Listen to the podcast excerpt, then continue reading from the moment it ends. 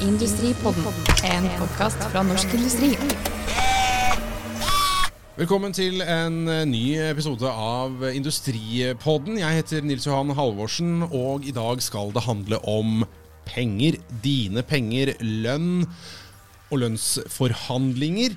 Og det var veldig enkelt forklart. Fra nå av blir det hakket mer komplisert. For å eh, guide oss gjennom dette her, så har vi eh, med André Berka, som er advokatfullmektig i Norsk Industri. Eh, hei, André. Hei, hei.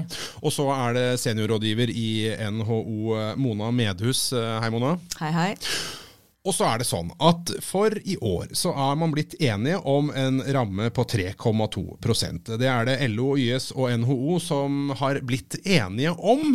Uh, og så er det ikke da sånn at man får 3,2% i lønnsøkning, Mona? Ikke helt. Det er 3,2% i denne sammenhengen handler om de store tallene. Så den er ikke overførbar direkte til lokale forhandlinger, slik at uh, eh, verken den enkelte bedrift eller den enkelte ansatte skal ha 3,2% Men i disse 3,2 prosentene så ligger det en del elementer. Uh, det ligger faktisk noe gammel moro fra i fjor. Du fikk noen lønnstillegg i fjor, eller det ble gitt lønnstillegg i fjor, som gjør at uh, det også kommer til å påvirke årets lønnskostnader. Og så er det gitt eh, noen sentrale tillegg. 250 generelt f.eks. Og hvis vi tar hensyn til at dette allerede er brukt opp, så står vi faktisk igjen med 1,3% som er et estimat for hva som skal skje gjennomsnittlig i lokale forhandlinger. Så når man da kommer ut i den enkelte bedrift, så har man egentlig bare 1,3% å jobbe med? Skal vi si Gjennomsnittlig så har du det, men så må man jo huske på at uh, eh, 250 og kanskje lavtlønnstillegg også, som vi kanskje kan komme litt tilbake til, det kommer jo i tillegg. Og så er det kjempeviktig at det vi snakker om hele tiden her er gjennomsnittstall. Vi sitter ikke her og sier til bedriften akkurat hva de skal gi, men vi snakker om hva dette gjennomsnittet skal ende med for at våre beregninger skal bli riktige. Okay. Riktig. Nå, nå, har vi vært innom eh, en del ting innenfor rammen. Da. Og det er klart, Bedrifter som er litt godt kjent med hva som ligger i en ramme, de er da vant til å høre ord som glidning, sentrale tillegg og overheng. Og dette er jo litt av det vi egentlig er inne på nå, Mona. Mm. Ja, her kom det en del begreper her nå. Ok, uh, glidning. Skal vi ta, ta det først? Det kan vi gjøre. Det er jo egentlig et annet ord for lokale forhandlinger. Ok. Ja. Så det er en del av denne rammen på 3,2% Så gjennomsnittlig skal altså de lokale tilleggene ende opp med 1,3% i 2019. Eh, men så skal det variere ut fra hvor eh, godt det går i bedriften. Ok, ja, Så, så man, man, kan faktisk legge det til grunn, at, uh, at, det man får i lønn, uh, på en måte reflekterer Eller hvordan lønnsoppgjøret lokalt ender, reflekterer på en måte bedriftens suksessrate, hvis man kan si det sånn? da? Riktig. Det er altså Bedriftens lønnsevne det er jo det som er helt avgjørende når man skal gjennomføre lokale lønnsforhandlinger. Det er klart Disse skal være reelle, og det er helt sentralt. Eh, reelle forhandlinger, Mona, det høres jo egentlig litt rart ut, selvfølgelig. Altså, reelle, men hva, hva ligger i det at det skal gjennomføres reelle forhandlinger? Når det handler om lønnsforhandlinger, så, så, betyr det at man må ha en ordentlig dialog. Man må argumentere, man må tåle at egne argumenter blir motsagt. Eh, det betyr ikke at det er slik at man må bli enig, sånn som man tenker på når man skal inngå en annen avtale. Men eh, det må gjøres eh, en ordentlig prosess i bedriften, sånn at man har hatt en skikkelig dialog, har virkelig argumentert litt osv. Eh, for at dette skal kunne kalles reelle forhandlinger. Men, men er det da sånn at eh, man kan altså, håper å si, dette her høres fjollete ut, late som man har reelle forhandlinger. Da. Altså, hvis man f.eks. som arbeidsgiver setter seg ned ved et forhandlingsbord og vel vitende om at vi har ingenting å gi, og så, men allikevel for å liksom, gjennomføre reelle forhandlinger, så ja, ja, vi kan ha noen møter, men alt blir for døve ører. Er jeg kynisk nå, eller? Uh, litt kynisk, kanskje. Fordi eh, de aller fleste ledere vil jo mene at det er en stor fordel å bli enig med de tillitsvalgte. Eh, det er jo ikke noe god stemning hvis du opplever at du har skinnforhandlinger. Eh, men, eh, men, det kan jo være eksempler på at du faktisk ikke har noe mer å legge på bordet enn det vi har avtalt sentralt. Og da er det jo faktisk sånn at du likevel skal ha eh, et møte eller to for å gå gjennom situasjonen og konkludere hva som skal være løsningen. Mm, ok, For å rett og slett forklare hvorfor det er, hvorfor det er sånn? Ja, ja, og eventuelt høre på om det er motargumenter som du bør ta hensyn til. Mm, mm. Men så er det jo sånn da at uh, når man har forhandlinger, uh, André, så er det jo ikke alltid sånn at man blir enige. Hva skjer da? Nei, Det er riktig det. Det er ikke alltid man kan bli enige, selv om målet selvfølgelig må være at man blir enige. Og det er klart, da, da, er det arbeidsgiver som i siste omgang har styringsretten og gjør gjeldende sitt siste tilbud. Og ja, hva, hva, betyr, hva, betyr, det? Hva ligger, hva ligger, i det? Nei, Da har man jo gjennomført som Mona har vært inne på, reelle lønnsforhandlinger. og Da har tillitsvalgte og klubben kommet med sine tilbud, og så har arbeidsgiver kommet med sine tilbud. Eller tillitsvalgte har kommet med sine krav, og, og bedriftene har kommet med sine tilbud. Og så klarer man da ikke å møte hverandre. Og da er det da slik at bedriften da gjerne gjør gjeldende sitt siste tilbud ved at man utformer en protokoll hvor begge partenes syn fremgår, og det siste tilbudet fremgår avslutningsvis. Og da er, det det, da er det sånn det blir? Da er det sånn det blir. Og Da er det nyttig at det også fremgår at det eventuelt inkluderer det generelle tillegget, slik at man er enig om hva man har forhandlet om, slik at det ikke kommer et krav i ettertid om det generelle tillegget i tillegg til eh, de lokale lønnsforhandlingene. Mm. Men så er det sånn at uh, har jeg latt meg fortelle at uh, når man forhandler lokalt, så er det Da legger man vekk sablene på en måte. Fredsplikt. Det er riktig. Altså, man, man, hører jo om streik, men det er ikke noe som gjennomføres under lokale lønnsforhandlinger. For da, da har man fredsplikt, så da kan man verken iverksette streik eller kollektiv overtidsnekt eller lignende. Og så har man noe som er litt spesielt innenfor VO-delen i industrioverenskomsten, som heter dagsing, eller gå sakte-aksjon. Og det er et virkemiddel som eh, arbeidstakere som er omfattet av VO-delen, har.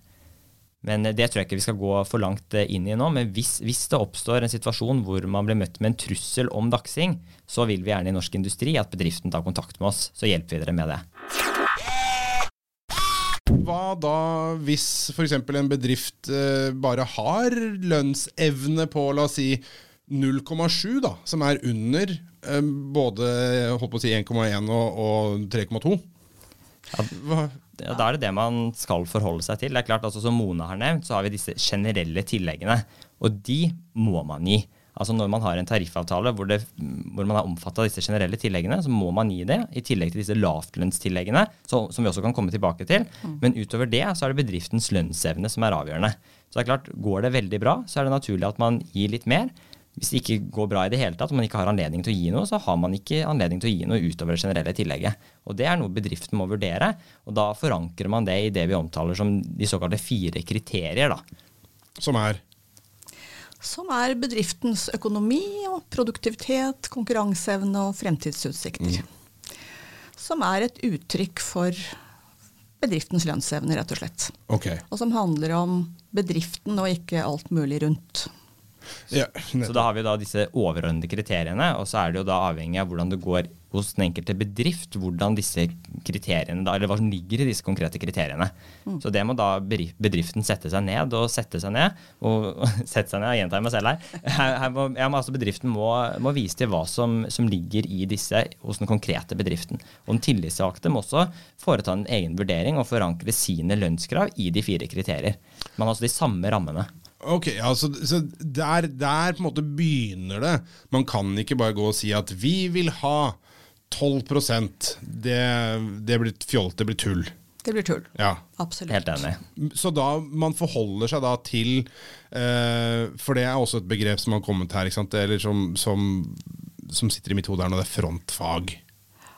Og det er, det er det vi snakker om nå, egentlig. De som har gjort disse forhandlingene. De som har gjort disse forhandlingene, representerer frontfaget i år, ja. Og det betyr jo at vi hele tiden er opptatt av i Norge at vi skal ikke ha en lønnsutvikling som er større enn det konkurranseutsatt industri kan tåle. Og så må alle sektorer tilpasse seg det. Og det gjelder også offentlig sektor. det er klart vi, vi, oppstiller, ja, vi oppstiller en norm, og det er noe som, eh, som man må forholde seg til. Ok, Så den 3,2% den får konsekvenser for alle, uansett om man jobber eh, privat eller offentlig? Det gjør det. Det er riktig. Det er en forutsetning i hele den norske modellen å forhandle etter, at eh, alle sektorer tilpasser seg den normen som konkurranseutsatt sektor blir enige om. Hva hvis man ikke gjør det? Hva skjer da? Nei, det, det, det skjer det. Vi, vi har god disiplin i Norge. ja, jeg følte jeg det lå mye bak. Her var det et eller Nei, men det er sant. Når du ser på, du ser på resultatene over tid, det har vi jo, så, så ser du at ja, ikke, ikke på tiendedelen hvert år, men, men eh, over tid så er eh, de fleste sektorer veldig eh, disiplinerte. Så det er veldig bra. Mm. Men skal vi skal, dette, her er jo, dette her er jo komplisert. Kan vi bare innrømme det med en gang? Er vi enige om det også? Helt Ja. Ja. det vil jeg si. Men, eh, Og så tenker du nå herlighet, dette her er jo helt umulig å forstå. Det er umulig å skjønne. Jeg her henger ikke med. Uh, heldigvis så er det hjelp å få. Uh, man kan uh, gå inn og lese om dette her på Norsk Industri sine hjemmesider og på, på NHO sitt verktøy Arbin eh, for å få mer informasjon om hvordan man skal forholde seg, og, og retningslinjer, rett og slett. Kjøreregler for lokale forhandling, kan man si sånn? Absolutt. Og så kan vi jo drive med litt egenreklame her også. Altså. I Norsk Industri så har vi en vakttelefon for arbeidsrettsspørsmål. Så den vil jeg oppfordre alle medlemmene våre til å benytte. Så da kan dere altså ringe 23 08 88 88. Eller så kan dere f.eks. sende en e-post til advokat at norskindustri.no. Da kommer dere i kontakt med advokatvakten vår, som er tilgjengelig fra 8 til 4 mandag til fredag. Så det er viktig at medlemmene våre er klar over det tilbudet. Det er hjelp å få. Absolutt. Ja. Det er veldig lurt å, å ta en telefon og få litt uh, input på hvordan man skal forholde seg. Det, dette er vanligvis noe som bedriften gjør én gang i året. Uh, og selv om det ikke er lønnsforhandlinger hele året, så holder nok vi på med disse spørsmålene mer jevnlig. Så eh, det skal være god hjelp å få hvis man tar kontakt. Mm, godt. Men uh, når, man har, når man da skal inn i lokale oppgjør, og mm, vi skal litt sånn tilbake til materien her, og så har man denne rammen som er gitt, eh, og så vet vi da når alt er trukket fra osv., så, videre, så ble jo den plutselig ganske mye mindre. Hva er det man egentlig forhandler om da, når det er så lite igjen? Det er egentlig ikke så lite. Eh, fordi For det første så, så ligger de 2 kroner og 50 ørene utenfor. Og så er det jo eh, noen bedrifter som må betale lavtlønnstillegg. Og Andrea, du har vel egentlig oversikt over hvilke overenskomster det gjelder for norsk industri? Det stemmer, Mona. Altså, vi har jo dette lavtlønnstillegget på to kroner som eh, enkelte bedrifter er forpliktet til å gi. Og innenfor norsk industri så er det enkelte konkrete tariffavtaler som eh, må være klar over dette. Det gjelder da bokbinderoverenskomsten, TK-delen i industrioverenskomsten, overenskomst for vaskerier og renserier, Riksavtalen og overenskomst for glass- og keramisk industri. Så det er da en, eh, en særskilt melding til dere der ute som er bundet av de overenskomstene. Vær klar over det. Da er du garantert eh, et par kroner ekstra. Riktig. Ja. Og Det betyr jo faktisk at for de bedriftene så er allerede det sentrale tillegget 4,50. Og det er høyt. det, er, eh, det kan være mye penger det for, eh, for noen av disse bedriftene. Så det er klart at dette må regnes på hva det utgjør i bedrift, og så må man se hvor mye eventuelt kan vi klare utover det.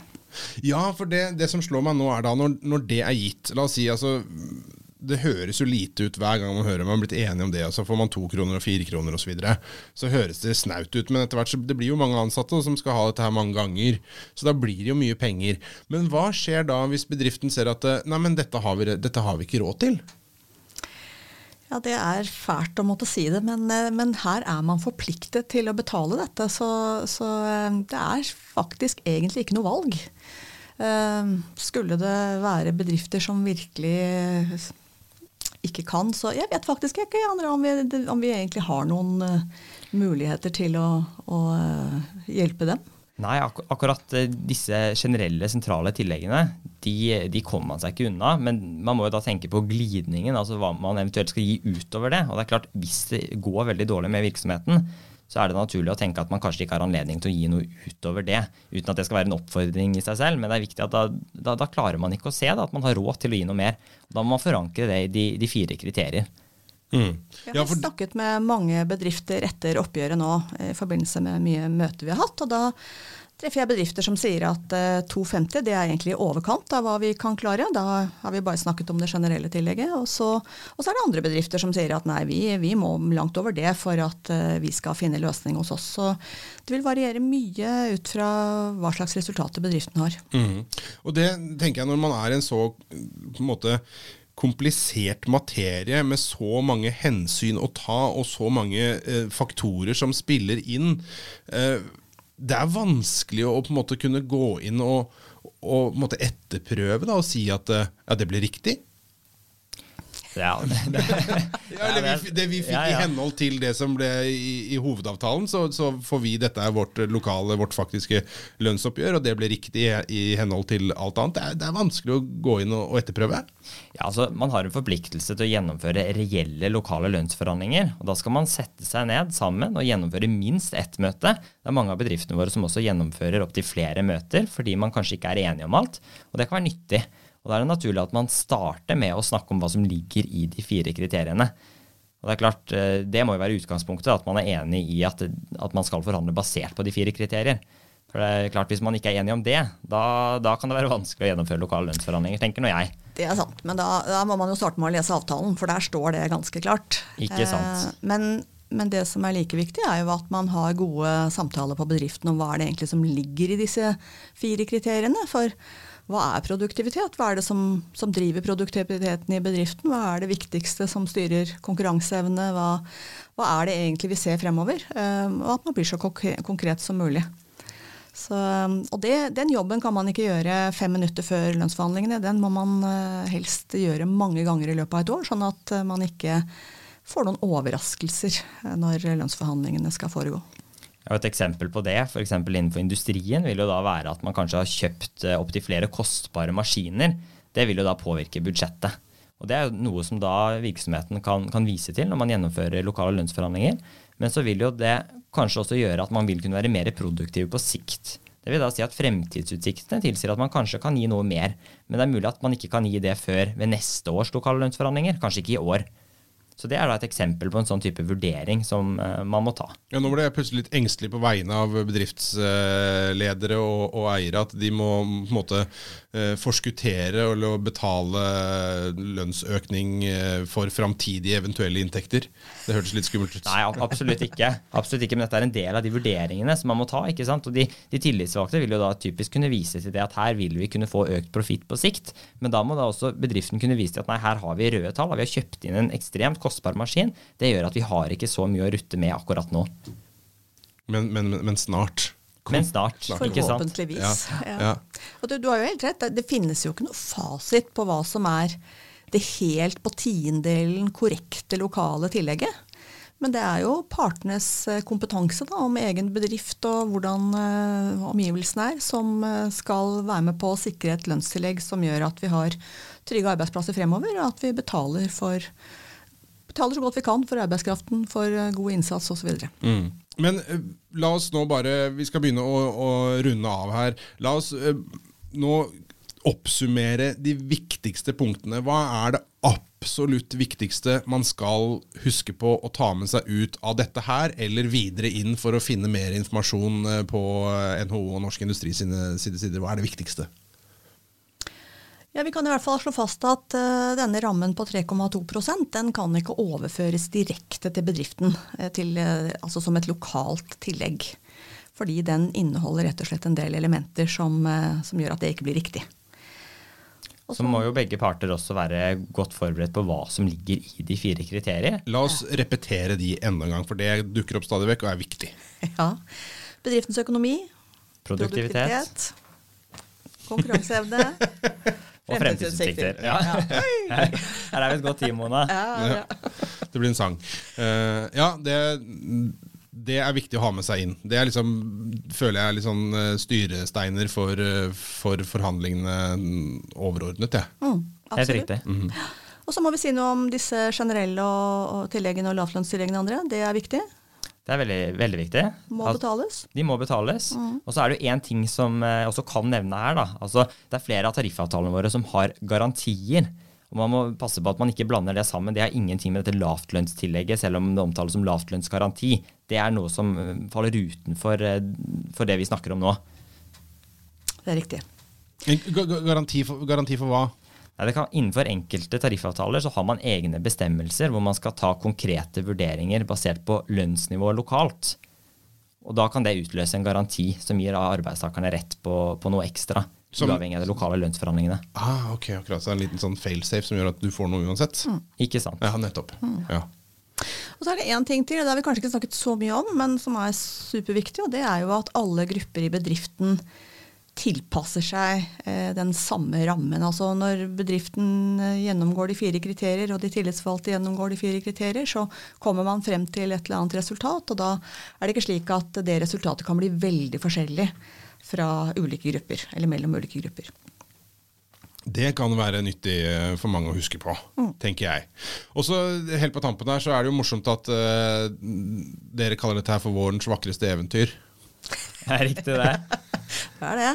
Når du jobber i den bransjen her, så er det, det er på våren vi kjenner vi lever. Ja. Litt forhandlinger og megling. Ja, og så mye liv har uh, vi i livene våre. ja, ja. Det er... Uh, dette er viktig materie, og igjen, eh, vi kan være enige om eh, og uenige om mange ting. Det vi i hvert fall er helt enige om, at det er, det er komplisert, dette her. Én ting er dere som sitter og jobber med det. Eh, noe annet som dere jo har anerkjent også, når man kommer ut i bedriftene, så er det, det er mye å, å huske på. Og så skal vi da igjen ta og minne om at det finnes informasjon, det er hjelp å få for dette her. arbin.no og på Norsk Industri sine nettsider så, så, finner man informasjon. Og så var du veldig flink, André, med telefonnummeret og advokathjelp. Ja, og det er vakttelefonen vår for arbeidsrett, som kan nås på 23 08 88 88. Og vakteposten vår, som er advokat at norskindustri.no.